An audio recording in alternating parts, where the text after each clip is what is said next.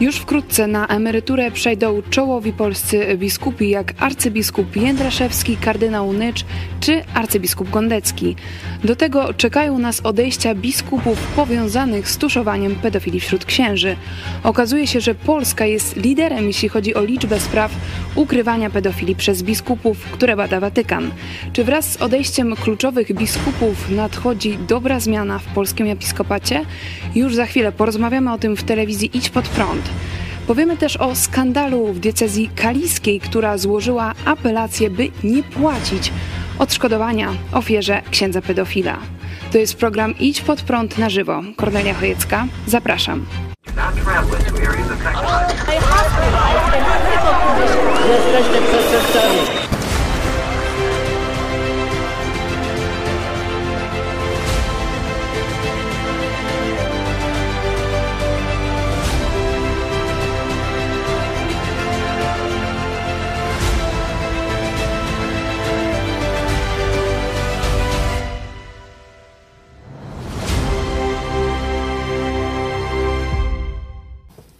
Witajcie w telewizji Idź Pod Prąd. Jest środa, 29 dzień czerwca, a naszymi gośćmi są redaktor Szymon Piek za Onet Wiadomości. Witam serdecznie. Dzień dobry Pani, dzień dobry Państwu. Mariusz Milewski, prezes Fundacji Opowiemy Wszystkim. Witam również. Dzień dobry. A także redak- Dzień dobry, redaktor Cezary Kłosowicz, szef Wiadomości Idź Pod Prąd. Dzień dobry Państwu. E, Czekamy na Państwa udział w programie, na Wasze pytania i e, komentarze, a my zaczniemy od artykułu Szymona Biegzy, który wczoraj ujawił się na portalu Onet. Nadchodzi trzęsienie ziemi w episkopacie, odejdą czołowi biskupi. E, Mowa m.in. o Marku Jędraszewskim, Kazimierzu Nyczu i Stanisławie Gondeckim, którzy zbliżają się do ukończenia 75 roku życia, czyli do wieku emerytalnego. E, I pytanie, czy rzeczywiście, tak jak czytamy w artykule, stoimy na progu najpoważniejszej od dekady zmiany w polskim e, kościele? Szymon Piegza. Ja jestem pewien na pewno e, i może od tego rozpocznę, że stoimy w obliczu największego kryzysu tej instytucji katolickiej, kościelnej w Polsce. Zresztą nie tylko w Polsce, bo jak popatrzymy e, na to, co się dzieje w, na Zachodzie, na przykład Stany Zjednoczone e, czy Australia, później ten problem przeszedł też do, do Europy, oczywiście Irlandia, Niemcy.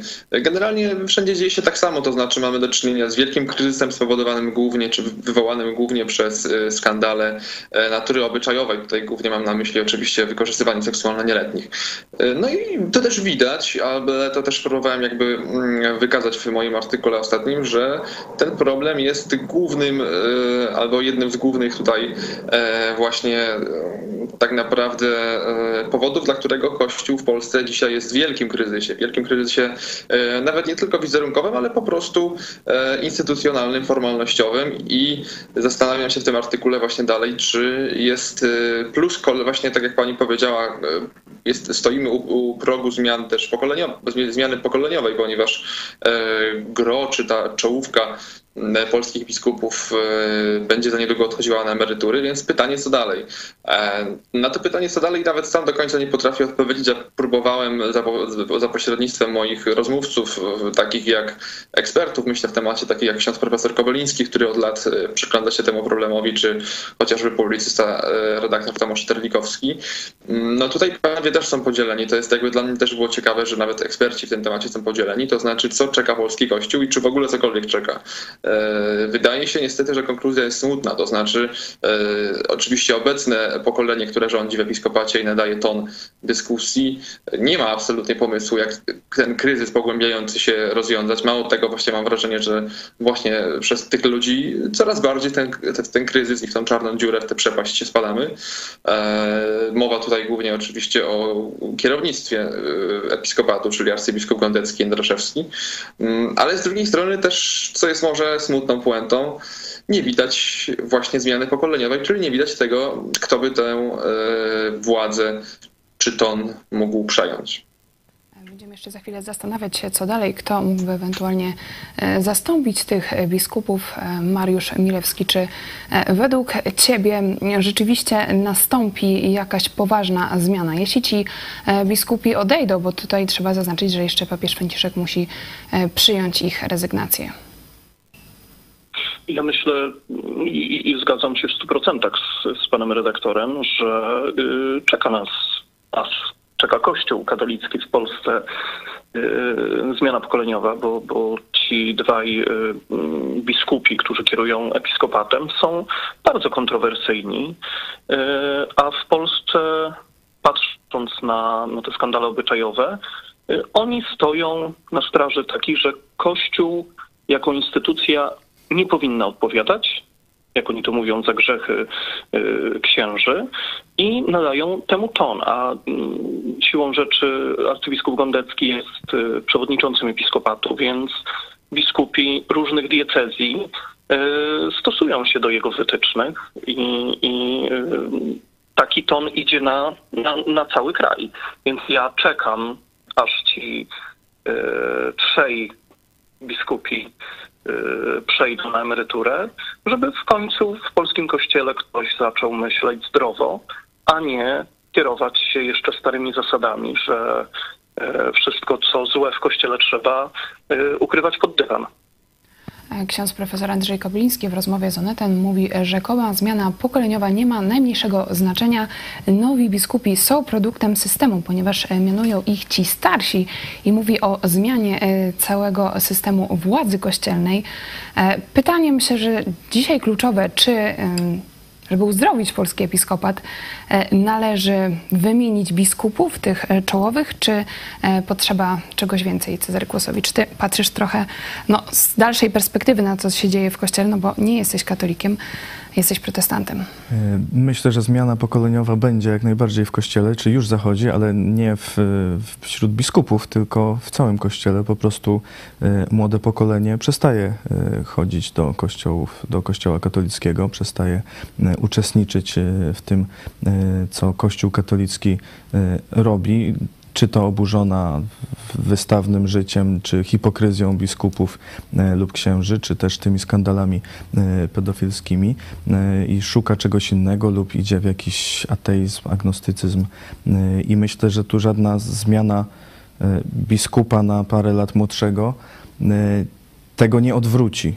E, i te tam jakieś e, drobne ruchy, które episkopat próbuje robić, że tu tam mówi, że religia nie wystarczy w szkołach, tylko musi być też, e, też gdzieś w kościołach, no, czy, czy, czy w salach katechetycznych, już nie wiem gdzie, gdzie konkretnie, ale to, to absolutnie nic nie, nie przyniesie. A tu no, zmiana biskupów nic nie da, jeśli instytucja, która mieni się przedstawicielem Chrystusa na ziemi, głosi nauki i postępuje całkowicie sprzecznie z tym, e, co robił Chrystus. Więc jeśli oni by musieli wszyscy wrócić do, e, do tego, co do, do nauki faktycznie biblijnej, a tego zrobić nie chcą, niezależnie od tego, czy to jest arcybiskup, e, czy, czy tam Głódź, czy biskup Skworc, czy jakiś teraz młodszy biskup Ryś, no to w tej kwestii absolutnie się E, nie spodziewam żadnych e, ruchów, także tu myślę, że będzie tylko powolny, e, powolna właśnie ta zmiana pokoleniowa, jeśli chodzi o, o, o to młodsze pokolenie, które już nie będzie się zastanawiać, co, co rodzice powiedzą, że oni nie chodzą do kościoła, no bo już, już ich rodzice przestają. Pokażmy teraz komentarz pastora Pawła Chojeckiego do tych nadchodzących zmian w polskim episkopacie i wracamy za chwilę. Nagrywam się dzisiaj wcześniej, ponieważ w czasie programu planuję być na ważnym spotkaniu polsko-ukraińskim. Szczegóły Wam powiem jutro, jak Bóg da. A teraz do tematu głównego. Mamy dwie sprawy. Po pierwsze, zapowiadane zmiany w episkopacie. Czy to coś zmieni, że ci starzy, już skompromitowani biskupi odejdą. Ja stawiam tezę, że to niczego nie zmieni, ponieważ nie biskupi są główną zakałą Kościoła katolickiego, a raczej jego diabelska doktryna, przeciwna właśnie Biblii. Bo cała Biblia wskazuje na Jezusa Chrystusa jako Zbawiciela. Że Jezus Chrystus umarł za Twoje i moje grzechy, doskonale zapłacił na krzyżu Golgoty, zmartwychwstał i stuka do każdego serca mówiąc: Chcesz iść do nieba? Chcesz, by Twoje grzechy były przebaczone? Oto ja umarłem za Ciebie. Chcę wejść do Twojego serca i Ciebie obmyć. Chcesz czy nie? To jest jasny przekaz Biblii, jasny, jasna Ewangelia o zbawieniu, którą głosił Jezus Chrystus i jego apostołowie. Kościół katolicki mówi, nie, nie, nie, to nie jest za darmo, no nie tak hop siup, nie każdy sobie może powiedzieć sam do Jezusa i już będzie zbawiony. Nie, nie, nie. To zresztą organizacja, e, korporacja, nasi przedstawiciele, tylko przez księdza, jak się wyspowiadasz, tylko e, w opłatku możesz przyjąć Jezusa. No, no, no i to jeszcze, żebyś nie myślał, że się wyspowiadasz, pójdziesz, e, przyjmiesz Eucharystię i już jesteś zbawiony. Nie, nie, nie, jeszcze cały życie musisz się starać, płacić, dobre uczynki, różne, ta, a potem w czyśćcu też musisz nam płacić. No to jest fałszywa, diabelska nauka katolicka i właśnie ten diabelski smród zrodził to, co dzisiaj mamy, czyli biskupów i papieża Franciszka. E, stąd zmiana tylko, wiecie, koloratek, zmiana sutan, wieszaków na sutanny niczego nie zmieni. Tyle w temacie. Trzeba zmienić system. Jak zmienić system? Przez przyjście do Jezusa Chrystusa i opuszczenie tej bezbożnej, cudzołożnej religii rzymskiej i sprawa załatwiona. Tak zrobili Amerykanie, tak zrobili Holendrzy, Skandynawowie, Brytyjczycy i tak dalej, i tak dalej, także da się. Tak zrobili też w XVI e, wieku nasi pradziadowie. Stąd my musimy tylko powtórzyć, a najlepiej jeszcze wzmocnić ich sukces Złotego wieku. Kluczowe pytanie, e, co dalej i e, kto e, będzie zastępował biskupów, którzy dzisiaj stoją na czele polskiego episkopatu, Szymon Biegza. Czy mógłbyś może też powiedzieć o takich swoich nadziejach, myślach na przyszłość, jeśli patrzysz na polski episkopat? To jest zawsze pytanie na zasadzie po prostu nie wiem przypadkiem, czy nie niedźwiedziej przysługi i, i pocałunku śmierci, mówiąc krótko. I, i e, takie też, e, bo ja też to pytanie oczywiście e, zadawałem moim rozmówcom, e, tym osobom, które uważam za ekspertów w tym temacie i, i one, one, też nie chciały mi wskazywać konkretnych nazwisk, bo no, ja już chyba wiem dlaczego właśnie, bo po prostu to, to, to jest e, w naszych ustach trochę e, no taka niedźwiedzia przysługa, ale ja mówiąc szczerze, mogę mówić tylko z własnego doświadczenia i tutaj akurat akurat mam pewne, niewielkie może co prawda, ale pewne doświadczenie też w kontakcie z biskupami. Niewielkie mówię też dlatego, z tego powodu, że po prostu niewielu polskich biskupów, y, którym do tej pory próbowałem, y, czy proponowałem spotkania, rozmowy, wywiady e, do Onetu, generalnie 90% z nich e, odmówiło i skorzystało z tej, z tej propozycji. E, w mojej ocenie po prostu mając przed tym obawy, to znaczy obawy i lęki przed trudnymi pytaniami. Ale spotkał się ze mną akurat nowy biskup, koadjutor biskup Adrian Galba z Katowic i, i mówiąc szczerze, ta rozmowa już jest, czy była opublikowana dwa miesiące temu w Onecie i mówiąc szczerze, ja byłem bardzo zaskoczony pozytywnie po tym, po tym spotkaniu. Tam kilka wątków dla mnie bardzo istotnych. Biskup Galbas generalnie to jest biskup, który przychodzi, czy przyszedł do Katowic, y, będzie zastępował arcybiskupa Skworca, który odchodzi w niesławie właśnie między innymi też po tym, jak ustaliliśmy i, i ujawniliśmy, że arcybiskup Skworc stuszował pedofilię w kościele. Mm, więc przychodzi na stanowisko i sytuacji bardzo trudnej, ale mam wrażenie, że jednak jest zupełnie innym podejściem niż arcybiskup Skworc. Tutaj liczę na zmianę jakościową. Oczywiście dzisiaj nie mogę więcej powiedzieć. Zobaczymy, jak to będzie wyglądało w praktyce, bo, bo też myślę, że mówienie, ten, czy wyciąganie wniosków y, tylko z tego, z pięknych słów i wypowiedzi, czy zapowiedzi biskupów, no to, to myślę, że już y, te czasy są za nami. I, i, no i myślę, że każdy z nas, jak tutaj siedzimy, już y, tym pięknym, okrągłym słowom nie wierzy po prostu, ja, ja również. Więc zobaczymy, jaka będzie praktyka. Słowo, słowo jedno, a czyny drugie. No, po czynach ich poznacie w końcu, cytując e, Pismo Święte. Mm, ale tak z drugiej strony e, jedną może rzecz mogę tylko tutaj też powiedzieć, albo może warto powiedzieć, bo wiem, że o tym będziemy za chwilę rozmawiać w kontekście e, diecezji kaliskiej, czyli odszkodowania, finansowe odszkodowania pieniężne dla pokrzywdzonych ofiar księży pedofilów. I tutaj arcybiskup Galbas też nie zaskoczył, ponieważ ja go oczywiście o to zapytałem, co o tym sądzi i mam wrażenie, że dzisiaj to jest chyba jedyny polski biskup, który otwartą przyłbicą twierdzi, że absolutnie takie odszkodowania pokrzywdzonym się należą.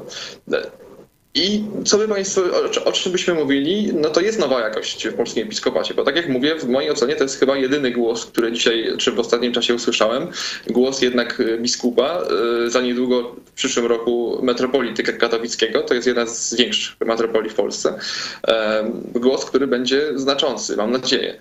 E, no i oczywiście, tak jak mówiłem wcześniej, mam nadzieję, że jego zapowiedzi w praktyce się potwierdzą, no, no bo dziś nie możemy o, o tym powiedzieć nic. Ale to jest bardzo ważne i ja się zgadzam z tym, o czym mówiliśmy przed chwilą, czyli generalnie wymiana jednej koloratki na drugiej, czy sakry biskupiej albo koloratki na sakrę generalnie nic nie, nie wniesie.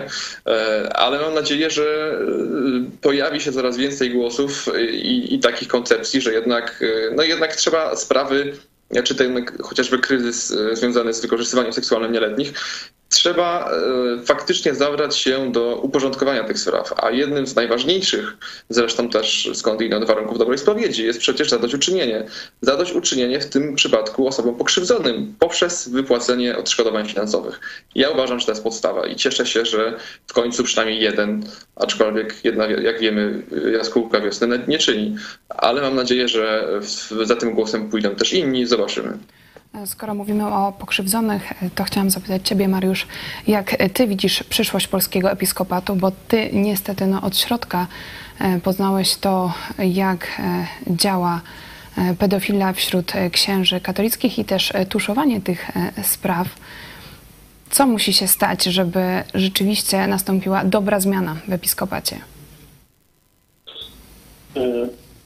Powiem w ten sposób. Ja y, miałem duże nadzieje, jak na y, stanowisku biskupa toruńskiego y, biskup Suski odchodził na emeryturę, przychodził, y, przychodził nowy biskup. Ja sam poprosiłem o spotkanie z, z biskupem Śmiglem.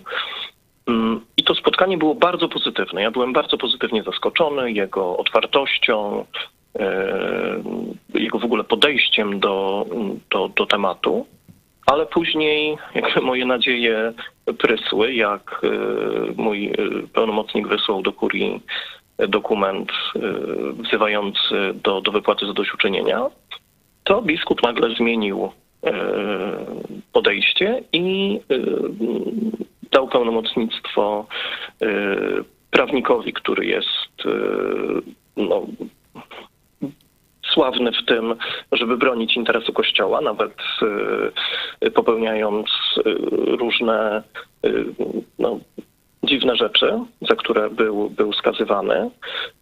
I jakby to ta moja nadzieja prysła, więc biskupi mówią jedno, robią później drugie, bo, bo to jest takie chronienie, chronienie jakby nie przyzwoitości Kościoła, ale finansów Kościoła niestety.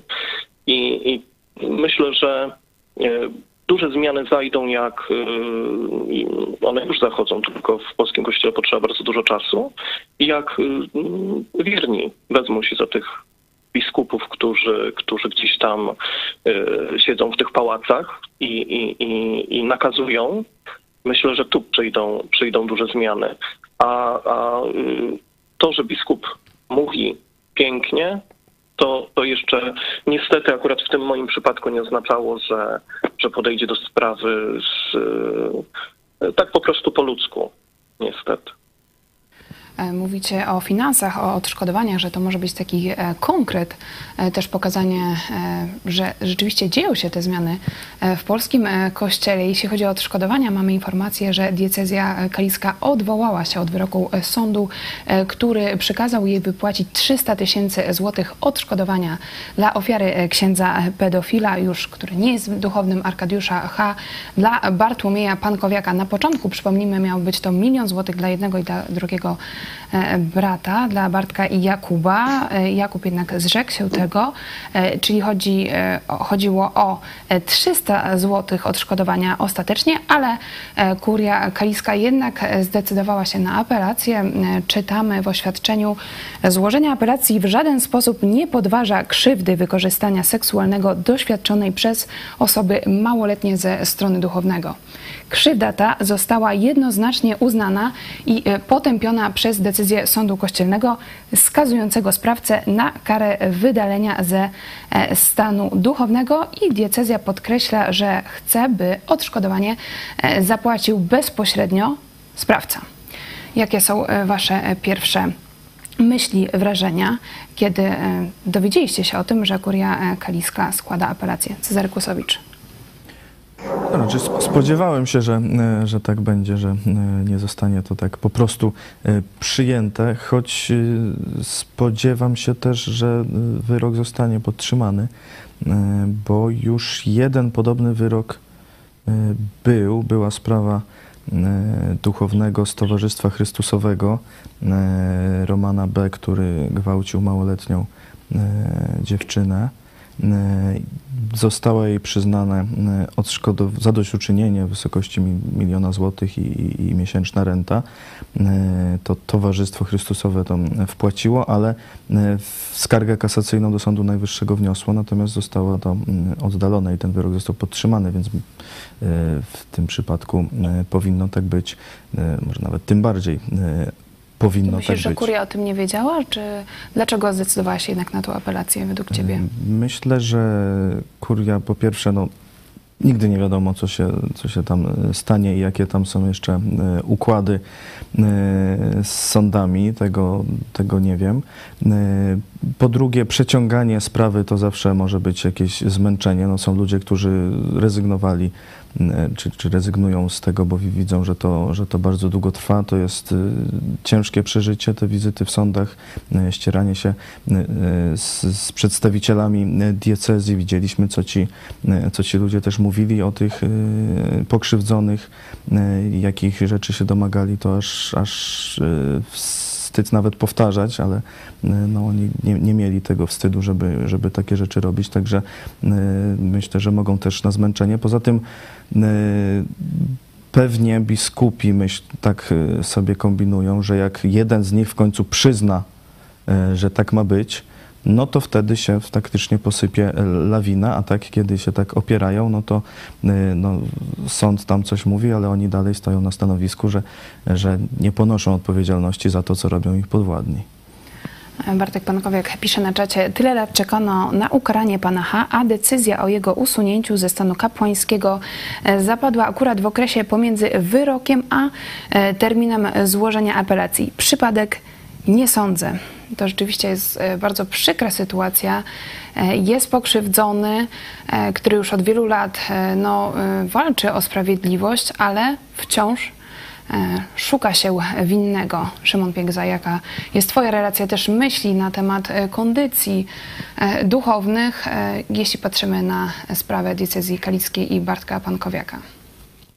Ja się absolutnie zgadzam z tym, że faktycznie jest coś takiego jak w polskim episkopacie, jak omerta, cały czas ona trwa, zresztą nieprzerwanie od, od dekad. E, dzisiaj ta emerta polega właśnie na tym, e, że właśnie brakuje odważnych tych biskupów, którzy, tych głosów, którzy mogliby spokojnie, z pełnym, z czystym sumieniem powiedzieć, no panowie tak, niestety zawaliliśmy i musimy płacić, bo to nawet nie jest kwestia tego, czy chcemy płacić, czy nie, bo oczywiście, że nie chcą płacić, bo tutaj kwestia wyłącznie się rozgrywa o pieniądze i tutaj walka w przypadku arcybiskupa, znaczy biskupa Bryla i diecezji Kaliskiej, e, a w tle pana Hajdasza, to kwestia wyłącznie kuria dzisiaj walczy o pieniądze i oni wcale tego specjalnie nie ukrywają. No, wczytując się w to oświadczenie, które wydała kuria kilka dni temu e, i jakby tłumaczenie, dlaczego będą wnosić apelację, no skoro uznają winę księdza pedofila, no to jakby dla mnie jest oczywiste, że po prostu walka jest tylko o to, żeby nie odpowiadała kuria jako podmiot prawny.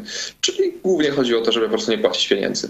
E, I tutaj tak, no odpowiadając na, na Pani pytanie, w zasadzie można by było powiedzieć y, i taką konkluzję sprowadzić do, do tego, o czym jakby do, do, naszego punktu wyjścia, czyli o tego, do tego, o czym mówił ksiądz profesor Kobeliński y, do mnie kilka dni temu, na temat właśnie kondycji polskiego episkopatu i tego nowego, młodego pokolenia. E, bo przypominam, że osoba, która stoi na czele diecezji kaliskiej, biskup Bryl, jest stosunkowo młodym biskupem. Nawet powiedziałbym, że jest w grupie tych najmłodszych biskupów. Jak się okazuje, postępuje absolutnie w ten sam sposób, jak biskupi kilkadziesiąt wręcz lat od niego starsi, czyli jak widać żadnej zmiany pokoleniowej, mentalnościowej, żadnej zmiany w myśleniu nie ma. I tutaj wydaje się, że ksiądz profesor Kopernicki miał rację, że wymiana starych na nowych generalnie nic nie da, bo przecież też system jest tak skonstruowany kościelny, że tych nowych, młodych wybierają starzy, więc e, bo łatwo się domyślić, że wybierają swoich następców, e, podobnie myślących jak oni zresztą, prawda? Czyli promują ten sam e, produkt i to samo myślenie. Niestety podobnych przypadków jest więcej. To też o tym trochę mówiliśmy, mówiliśmy o tym też w innych wydaniach Państwa programu. Podobna sytuacja przecież miała miejsce w, niedawno w diecezji bielsko-żywieckiej, gdzie też biskupem jest dość stosunkowo młody biskup Roman Pindel, który właśnie chciał e, w odpowiedzi na pozew ofiary księdza pedofila wnosił do sądu o to, żeby badać pokrzywdzonego, e, czy przypadkiem on nie jest gejem i czy przypadkiem, gdy był dzieckiem, ta pedofilia, czyli gwałcenie jego przez księdza nie sprawiało mu przyjemności. No to proszę Państwa, mamy do czynienia z rzeczami wręcz porażającymi. I to się dzieje w, na porządku, i to jest na porządku dziennym, i to się dzieje w głowach wielu polskich biskupów. Niestety, patrząc w ten sposób yy, i przez pryzmat tego, co oni mówią i robią, bo jakby my tutaj nie rozmawiamy o rzeczach abstrakcyjnych, tylko omawiamy rzeczy, które już miały miejsce. E, no, ostatnia, czy, czy wczorajsze wydarzenie, właśnie apelacja e, diecezji kaliskiej, te wszystkie wydarzenia wskazują na pewien stary model działania Kościoła katolickiego, nie tylko zresztą w Polsce, ale, ale widać, że na świecie, na przykład w Stanach Zjednoczonych to się już zmieniło. E, my w Polsce dalej jesteśmy na tym etapie, gdzie niestety, mówię to z wielką przykrością, ofiary księży pedofilów i generalnie ofiary, bo nie chodzi tylko o pedofilię, e, są traktowane w sposób arogancki, w sposób wręcz powiedziałbym poniżający. No tak, tak, niestety tak. Pytanie e, w takim razie, e, co e, powinniśmy zrobić, no patrząc na te bardzo przykre sytuacje, na poniżanie ofiar, które muszą już kilka razy przeżywać to samo, a nawet nie mogą doczekać się na to powiedzmy skromne odszkodowanie. Tu jednocześnie mamy bardzo ciekawe słowa papieża Franciszka, który mówi proszę was o uległość Duchowi Świętemu i e, posłuszeństwo Jezusowi Chrystusowi e, w Jego Kościele. Zawsze idźcie z biskupem, on jest głową Kościoła. Pytanie w takim razie, co powinni zrobić katolicy, patrząc na przykład na to zachowanie diecezji kaliskiej? Mariusz Milewski. Przede wszystkim myślę, że powinien być jawny sprzeciw bo, bo pisanie tego oświadczenia, jak ja, ja to oświadczenie zobaczyłem i, i, i przeczytałem, to, to sobie mówię, Boże, no trzeba być pozbawionym rozumu. Przecież y, Sąd Najwyższy określił, że artykuł 430 y, jak najbardziej trafnie y, został tutaj mm, przypisany do, do tych czynów, że Kościół, mówmy sobie szczerze, księża są pracownikami Kościoła a pracodawca odpowiada za swojego pracownika. I, i, I tutaj sąd e, w, jako pierwszy w Poznaniu poszedł tą drogą. Sąd Najwyższy orzekł, że słusznie. I tutaj e, jakby w oświadczeniu podawanie, że, że oni się odwołają tylko dlatego, że oni stoją na stanowisku, że e, powinien płacić ksiądz, a nie, nie kuria, no, no jest żenujące. Jest żenujące i, y, no i prowadzi do, do mm, upodlenia ofiary, bo, bo my musimy walczyć y, o tak naprawdę o, o, o zadośćuczynienie, które nam de facto patrząc realnie może aż dużo nie da, bo, bo życie zostało stracone i, i to, to, co zostało nam wyrządzone, zostaje z nami do końca życia. E, myślę, że wierni diecezji kaliskiej powinni e, okazać sprzeciw, bo tylko to mogą zrobić. Biskup i tak nie zareaguje. Biskupi myślą, że są ponad wszystkim. I, i to podejście, podejście polskiego episkopatu widać e, nawet w stosunku do organów państwa. Pan Gondecki, nie wydaje dokumentów do sądu, bo nie zasłania się jakąś tajemnicą. Psychologia. E, Przecież to, to, to, jest, to powinno być karalne. W normalnym państwie biskup nie miałby nic do powiedzenia. Przecież tak było w Stanach Zjednoczonych. Prokurator wchodził e, do kurii, zabezpieczał dokumenty i później się okazywało, że tych ofiar jest bardzo dużo, bo, bo Kościół y, dokumenty tworzy y, i, i- i w tych dokumentach wiele byśmy wyczytali. No ale niestety, niestety w Polsce y, myślę, że w dużej części da sprzeciw społeczeństwa, tylko i wyłącznie. Także znów e, przychodzimy do tego wniosku, że jak bardzo ważna jest postawa jednostki i też niezgadzanie się na to, co widzimy, na krzywdę e, niewinnych. Czy chcecie coś jeszcze dodać do tego wątku? Jeśli tylko, ja bar- bardzo chętnie, jeśli tylko mogę, bo bardzo ważną rzecz powiedział Mariusz i, absolutnie e, się z nim zgadzam, E, ale to też pokazuje, to znaczy e, po pierwsze zachowanie arcybiskupa Gondeckiego, o którym też pisałem w tym moim artykule wczorajszym, e, że faktycznie no, była taka sytuacja, gdzie arcybiskup Gondecki miał nakaz sądowy wydania akt księdza pedofila, bo toczyła się sprawa e, i on odmówił, odmawiał kilka razy i sędzia prowadząca sprawę wręcz e, wydała postanowienie o przeszukaniu kurii i odzyskaniu czy pozyskaniu tych materiałów dowo- dowodowych, bo to był przecież dowód w sprawie, e, świadczący właśnie o tym, jak bardzo e, ksiądz e, pedofil, jak wielkie szkody ksiądz zrobił, ale też w jaki sposób został ochroniony przez parasol och- ochronny na niego nałożony przez kurię. Arcybiskup Gondecki do tej pory tych dokumentów nie wydał. Dzisiaj już tłumacząc, to jest kolejne tłumaczenie, że po prostu tych dokumentów nie ma. To jest pierwsza sprawa. Druga sprawa, którą właśnie widzimy na podstawie wczorajszego oświadczenia kurii kaliskiej e, i o tym też właśnie powiedział Mariusz bardzo słusznie. Przecież są wyroki Sądu Najwyższego i tych wyroków nawet e, dokładnie jest dwa. Nie jest tylko jeden precedensowy, ale jest już dwa, jest już więcej. Zachowanie kurii kaliskiej dzisiaj pokazuje, że kuria nie ma, ma, ma w głębokim poważaniu e, niezawisłe, wy- wyroki niezawisłych sądów. I to jest największy problem. Mało tego, oczywiście nie bardzo teraz wiadomo, albo jest jakaś instancja, żeby ich przymusić do tego, żeby te wyroki zostały szanowane czy, czy, czy respektowane. Dopiero w momencie, kiedy takie postanowienie wobec kurii kaliskiej zapadnie, a głęboko wierzę w to, że zapadnie, tylko będziemy musieli oczywiście czekać na kolejną instancję, to dopiero wtedy będą, będzie wykonane. Praktyka pokazuje i wypowiedzi i oświadczenia biskupów, że za nic mają prawo, które działa w y, państwie.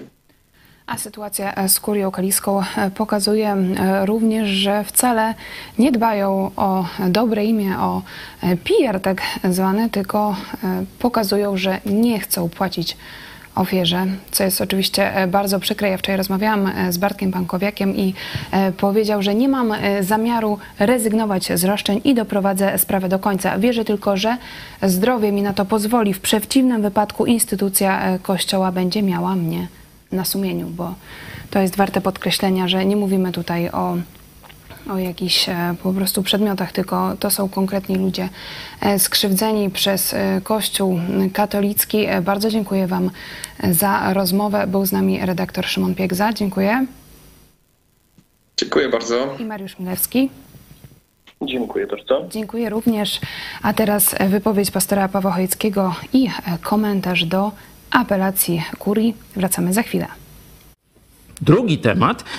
No to haniebna sprawa gwałcenia e, dwóch mm, synów e, no, organisty, czyli człowieka kościoła, przez innego człowieka kościoła, czyli księdza w sutannie. I tu e, kaliska katolicka kuria mówi, że on powinien sam za siebie płacić. Ja się zgadzam, gdyby ksiądz dokonał jakiegoś przestępstwa prywatnie, po w cywilu, gdzieś niezależnie ze swoją tam, e, niezależnie, nie wykorzystując wpływu swojej instytucji, to tak, można by e, tak powiedzieć. Oczywiście instytucja powinna go wyrzucić, absolutnie nie kryć go, zgłosić przestępstwo do prokuratury, jeśli zostało popełnione i mają dowody na to e, i tak dalej, i tak dalej. Ale Tak jakby w wojsku oficer wykorzystując mundur, wykorzystując swoją e, władzę wojskową doprowadził do przestępstwa z jakiego, jakiegoś żołnierza, to oczywiste, że on jest odpowiedzialny, ale i organizacja, która to, do tego dopuściła,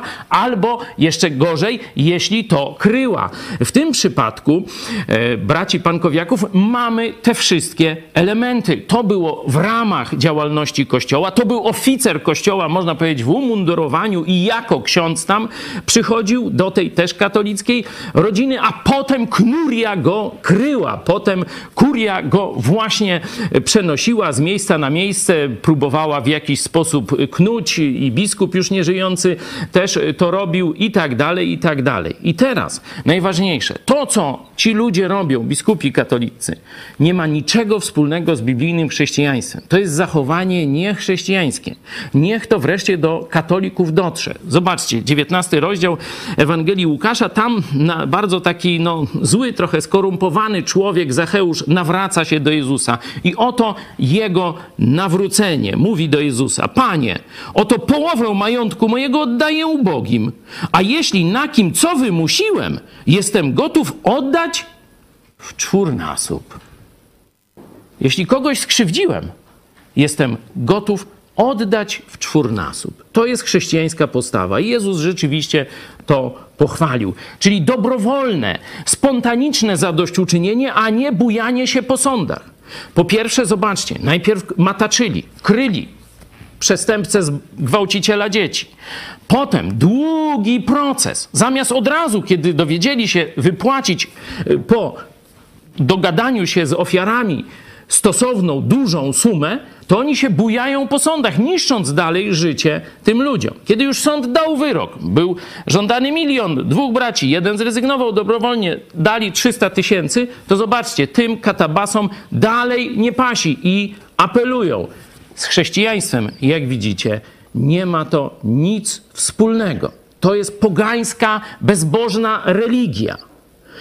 Jezus powiedział: Jeśli ślepy prowadzi, a biskupi wasi są ślepi, drodzy katolicy, to i prowadzący, i ci, którzy za nim idą, obaj w dół wpadną.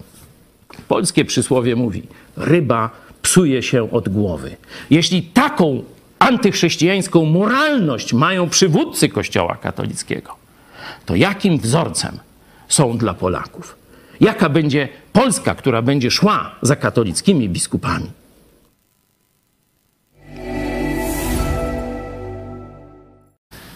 Tutaj pastor Paweł Chojecki e, poruszył no, ważną kwestię na koniec. Jaka będzie Polska, która będzie iść za takimi biskupami? I myślę, że możemy też chwilę zastanowić się e, nad tym, e, co dalej, jeśli chodzi o Polaków i o autorytety, no bo tak się przyjęło, że jest taki mit, że Polak to katolik, ale teraz nawet patrząc na te przypadki kar, które płyną z Watykanu dla polskich duchownych, no to Polska jest liderem tych spraw dotyczących tuszowania pedofilii wśród księży. No Polacy to widzą i jak myślisz, Jakie, jakie będzie to miało wpływ na e, polskie społeczeństwo, jeśli chodzi o, e, o te autorytety? Czy rzeczywiście będzie tak, że no Polacy no, przestaną po prostu słuchać się biskupów, przestaną chodzić do kościoła, e, czy jednak posłuchają się na przykład papieża Franciszka, który mówi, że trzeba iść zawsze za biskupem? Tak, tylko w kościele, tylko z biskupem. No myślę, że Polacy dawno, już od dawna nie słuchają biskupów czy księży. E, natomiast no, jakoś ciągle są związani z, z, tym kościołem, bo co się nie posłuchają, to się wyspowiadają ewentualnie. Tak to mniej więcej no jednak wygląda. może są porządni księża, to może do nich pójdą. A są też ci źli biskupi. Może są porządni księża, może są porządni biskupi. Nie, nie znam porządnego biskupa osobiście. Możemy zrobić taki challenge. Możecie na porządnego biskupa możecie pisać nie, możemy, nie, no możemy zobaczyć, jaki ma być biskup. To bardzo proste, bo to y, Biblia mówi jasno, jaki ma być y, y, cechy jakiego biskupa i czy, któryś, czy którykolwiek z biskupów katolickich na świecie, już nie ograniczam do Polski, spełnia te wymagania. Biskup zaś ma być nienaganny. No i chyba wystarczy. To zależy, kto będzie no, oceniał tą Jeżeli by ktoś jeszcze ocenił, że tam któryś biskup jest nienaganny, to następny warunek, to jest y, pierwszy list do Tymoteusza, trzeci rozdział. Biskup zaś ma być nienaganny, mąż jednej żony. No to tu już chyba nie ma wątpliwości, że żaden z biskupów nie spełnia biblijnych, biblijnych y, wytycznych, no więc y, jakże ma być dobrze, jeśli się tak prostych y, rzeczy nie stosuje. Y, Dalej jest, ma być jeszcze trzeźwy, umiarkowany, przyzwoity, gościnny, dobry nauczyciel, nie oddający się pijaństwu, nie zadzierzysty, lecz łagodny, nieswarliwy, niechciwy na grosz, który by własnym domem dobrze zarządzał, dzieci trzymał w posłuszeństwie i tak dalej. No, żaden biskup tych, tego nie spełnia, no więc, no, no więc trudno powiedzieć, że, żeby, że znajdziemy dobrego biskupa, skoro oni już z samej, z samego, od samego początku y, sprzeciwiają się y, temu, czemu twierdzą, że, y, że służą, także to jest y, absolutnie niemożliwe. Y, To tak jak y, tu y, jeden z gości mówił, że, że mogliby, może, mog, są biskupi, którzy mogliby tam z czystym sumieniem coś powiedzieć. No ja nie wiem, czy są biskupi z czystym sumieniem, no, no wątpię w to.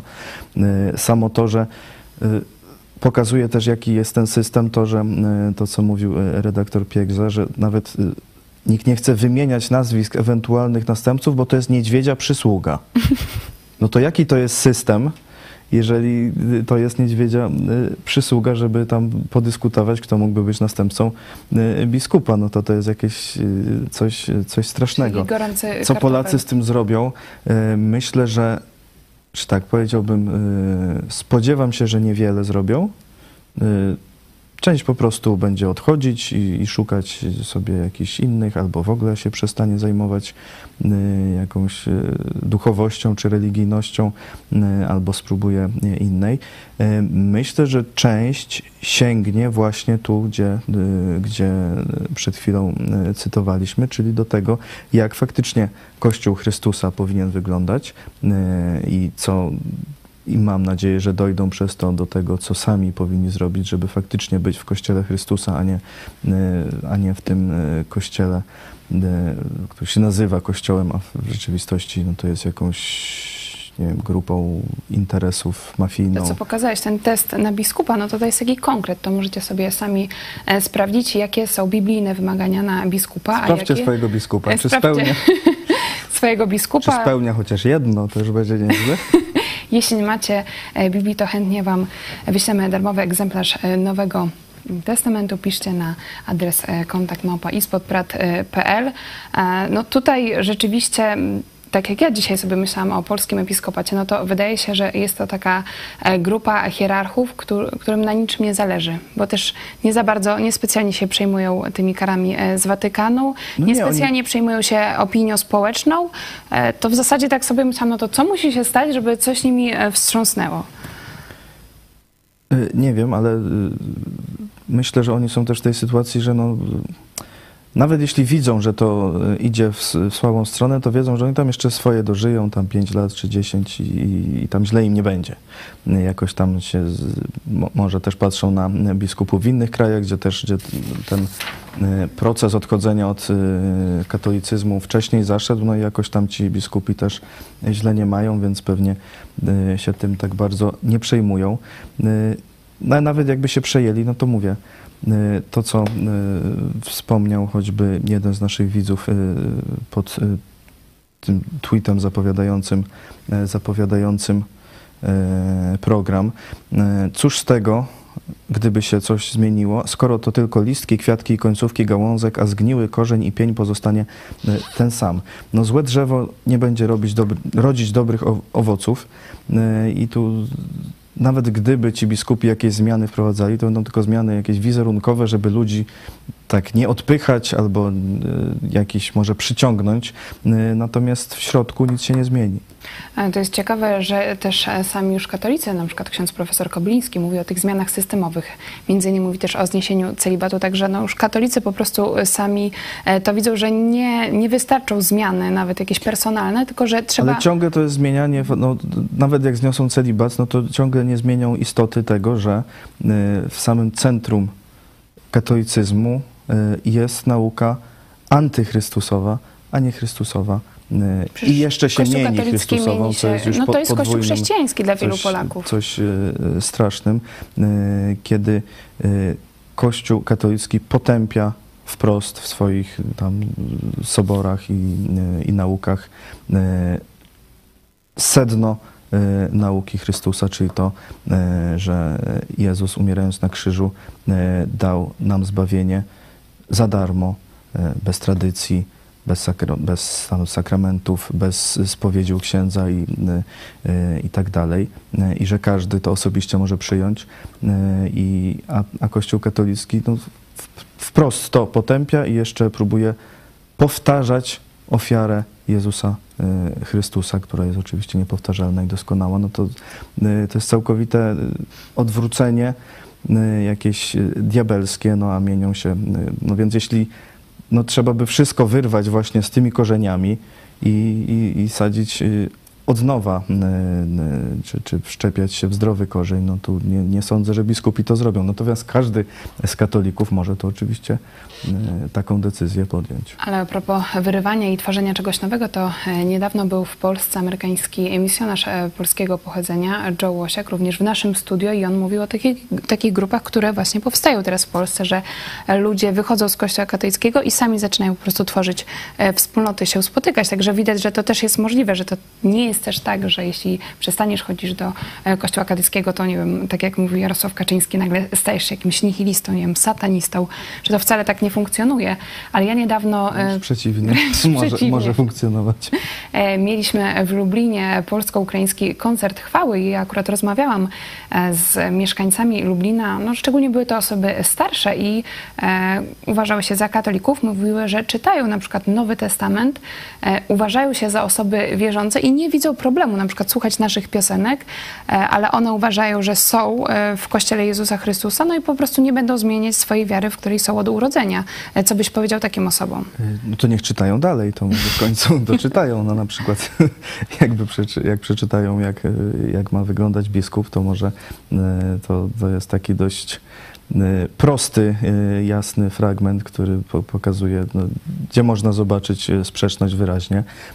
No, jeśli doczytają do miejsca, gdzie jest przedstawiona dobra nowina i jak ona, jak naprawdę wygląda zbawienie i porównają z tym, jak są nauczani w kościele, czy jaka jest praktyka w kościele katolickim, no to może wtedy zaskoczą. Także no, dobry to początek. No, wiemy, że Wiele osób tak e, zaczynało, że no, próbowali w kościele katolickim e, jakoś tu wierzyć prawdziwie, no ale po jakimś czasie widzieli, no, że to nie jest do pogodzenia e, i odchodzili albo do jakichś innych prawdziwych kościołów, czy zakładali swoje te kościoły lokalne i, i, i działają no, do teraz, jak widzicie. Miro Lapalainen pisze, w tej chwili kościele rzymskokatolickim e, przydałby się nowy Luter, nic innego. Ale na to e, nie ma widoku. Czy zgadzasz się z tym, że nie ma widoku na e, nowego Marcina Lutra? Myślę, że nie trzeba już teraz nowego Lutra, bo tu jest naprawdę jest tyle. Wtedy no, to był Kościół katolicki i, i tyle praktycznie w Europie. No, oczywiście w historii powstawały różne, e, różne ruchy, które chciały się e, zbliżać do prawdziwej nauki. E, powstawały też inne, które chciały się oddalać jeszcze bardziej niż Kościół katolicki, no ale były, były skutecznie niszczone właśnie przez katolicyzm, choćby Jan Hus przed jeszcze Lutrem. No ale teraz to już tak nie jest. No teraz naprawdę jest jest y, wybór. Y, Biblię już każdy może mieć y, naprawdę nawet przy sobie 24 godziny na dobę. To już nawet nie tak jak za Lutra, że to była księga wielka i ciężka i było mimo druku, no to tych egzemplarzy nie tak wiele. Można mieć we wszystkich językach. W właśnie na przykład w telefonie. E, są kościoły, do których można się udać. Jest naprawdę wiele możliwości, więc nie, myślę, że tu nie trzeba e, lutra, to ludzie muszą e, się, się wziąć i jeśli będą chcieli, no to znajdą prawdę, czy, czy ta prawda wręcz do nich przypuszczam, że do większości już e, przynajmniej zraz e, dotarła. To jest tylko kwestia decyzji, żeby za nią e, pójść. Widzimy, że na Ukrainie to się we wspaniały sposób udało i, i udaje robić. I, I, tak samo może być w Polsce. A tutaj no, dużo mówimy dzisiaj o Kościele katolickim. Ale... Jeżeli zakładamy w Lublinie Instytut Polsko-Ukraiński Instytut Biblijny, no to myślę, że tu już nie trzeba czekać na lutra, no po prostu. to się dzieje e, i to rzeczywiście jest coś optymistycznego, o czym mówimy. E, miliony ukraińskich uchodźców w Polsce i to Ukraińcy okazuje się zmieniają naszą mentalność i sprawiają, że Polacy dotąd raczej zamknięci na inne religie, no siłą rzeczy muszą być otwarci, skoro są otwarci na Ukraińców, którzy są różnych wyznań, to muszą może też tu jest, być Może tu jest Polakom trochę łatwiej, no tak. bo to jest z innego kraju, no to tak troszkę ale inaczej Polacy, niż jak przykład, Polak. Tak jak my no, ale jak już tak, z Ukraińcami. Ale jak już tak e, przejdą tę barierę z Ukraińcami, tak. to może z Polakami też da radę. I, i tutaj e, też taka motywacja dla biblijnych chrześcijan w Polsce, żeby rzeczywiście wychodzić e, na ulicę, żeby się pokazywać. My tutaj od kilku tygodni e, w Lublinie co niedzielę czytamy Biblię o 12 na głównym e, placu e, i podchodzą do nas Ukraińcy i mówią, że o, w końcu są biblijni chrześcijanie, że my jesteśmy tutaj w Lublinie od kilku miesięcy, szukaliśmy kościoła chrześcijańskiego i nie widzieliśmy was, także rzeczywiście teraz jest czas, są wakacje, żeby, żeby jednak wychodzić, też motywacja dla naszych grup biblijnych, żeby wychodzić na ulicę, pokazywać rzeczywiście Polakom tą alternatywę, bo skoro mówimy no, o kryzysie w Kościele katolickim, no to skoro jest kryzys, to też jest potrzeba czegoś nowego, trzeba wskazać nowe autorytety, wskazać nadzieję i że jest ktoś, e, na kim można polegać, bo tutaj możemy właśnie zakończyć tym wątkiem, no to jeśli na niebie, nie na polskim episkopacie, nie na biskupach, to na kim e, ma człowiek polegać? E, najlepiej nie na człowieku w ogóle. tylko właśnie na Bogu polegać, na Jezusie. Jego obietnice wszystkie się spełniają, Jego obietnice są niezawodne.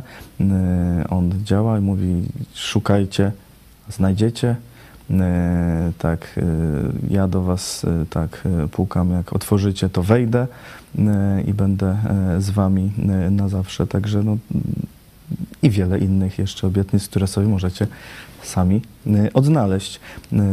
Także tam bym tylko oparcia e, szukał w żadnym e, człowieku, w żadnym nawet biskupie, e, pastorze, nie wiem, polityku i tak dalej, no to, to to wszystko jest zawodne, a tu jest niezawodne.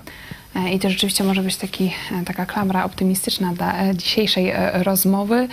Kiedy patrzymy, jak kompromitują się polscy biskupi, czekamy, no już katolicy czekają, aż oni odejdą, to jaką refleksję powinniśmy z tego wyciągnąć dla siebie. Też zachęcamy Was do kontaktu. Piszcie do nas, piszcie również w komentarzach Wasze wrażenia, myśli po programie. Ja tylko przypomnę, że mamy taki cel na każdy miesiąc, żeby było ponad tysiąc E, wpłat na e, projekt telewizji Idź pod prąd. To nie jest tylko telewizja, e, to również też jest ten projekt edukacyjny. Tak jak Czarek wcześniej wspomniał, powstaje Polsko-Ukraiński Instytut Biblijny w Lublinie przy współpracy z Seminarium Biblijnym w Irpieniu na Ukrainie. Także szczegóły naszych projektów znajdziecie na naszej stronie ispodprat.pl.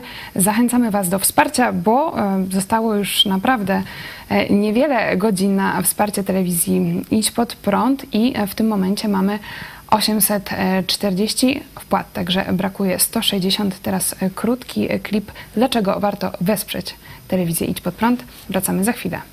A dlaczego warto wspierać telewizję Idź Pod Prąd? E, dlatego, że głosi e, Słowo Boże, głosi prawdę e, i jest wsparciem dla naszego całego kraju, dla, na, dla nas wszystkich Polaków e, i dla każdego z osobna. Jest, e, jest to telewizja, której zależy. Zależy na informowaniu e, szczerym i, i ma szerokie spektrum informacji. Dziękuję bardzo. Bo mówi prawdę, bo głosi Ewangelię, bo chcę, żeby Polska była silnym i sprawiedliwym państwem. A dlaczego warto wspierać telewizję Idź Pod Prąd? Bo nie ma takiej drugiej.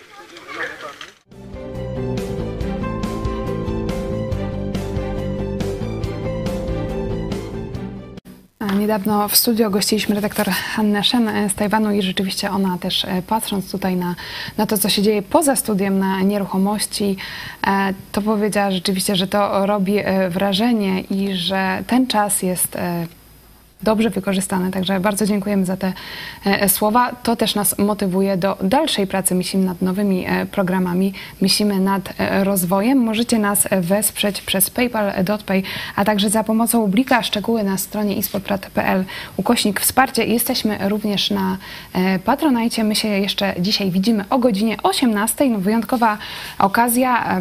Będziecie mogli usłyszeć historię nawrócenia rektora Igora Jaremczuka, który był ateistą. Służył również w armii, był w Afganistanie. Bardzo ciekawa historia. Myślę, że e, też czekamy na Wasze wrażenia. Możecie również pisać komentarze po e, angielsku pod tym e, programem. Jeszcze teraz kartka z kalendarza Piotra Setkowicza i pomyśl dziś pastora Pawła Chojeckiego. A to był program Idź pod prąd na żywo. Dziękuję Ci za udział. Cezary Kłosowicz. Dziękuję, do zobaczenia. Do zobaczenia. Praktycznie mamy już lato, wakacje, gorąco, wysokie temperatury. W Polsce klimatyzacja jeszcze mało rozpowszechniona, więc szeroko otwarte okna w wielu polskich domach. Zachęcam wam spacer, do, zachęcam was do spaceru gdzieś po polskim osiedlu, czy takim trochę lepiej sytuowanym, domków jednorodzinnych, czy gdzieś pod blokami. Jestem pewien, że w ciągu nawet kilkunastominutowego spaceru natraficie na jakiś dialog małżeński, bądź może tam są związki nieformalne, gdzie, że tak powiem, pan do pani mówi, ty kobieto, jedna, a pani mówi ty hu, y, husarzu jeden i tak dalej, i tak dalej. E, to wszystko słyszą dzieci, sąsiedzi i to niestety jest dość częsta polska rzeczywistość. Oczywiście też każdy z nas ma z tym problem, czyli z językiem, czyli z opanowaniem gniewu, o czym mówiłem wczoraj, i z werbalizowaniem tego, czyli z mówieniem. Tutaj pomocą jest informacja zawarta w Biblii. Otwórzcie sobie list Jakuba, trzeci rozdział. I tam język przedstawiony jest jak ogień, który może podpalić cały las, czyli zniszczyć całe Twoje życie. Jeśli będziesz tak mówił do swoich bliskich, to możesz zniszczyć swoje życie rodzinne, zniszczyć swoje dzieci.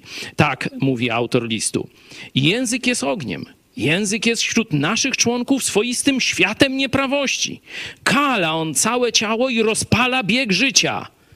I tu ciekawostka. Sam będąc rozpalany przez piekło. Musisz się więc nauczyć panować nad swoim językiem. I w drugim wersecie jest o tym mowa. Jeśli kto potrafi zapanować nad swoim gniewem, zapanować nad swoim językiem, rzeczywiście osiągnął chrześcijańską dojrzałość. O, oczywiście dla niechrześcijan próbujcie sami, a jak polegniecie, zawołajcie o pomoc do Jezusa Chrystusa.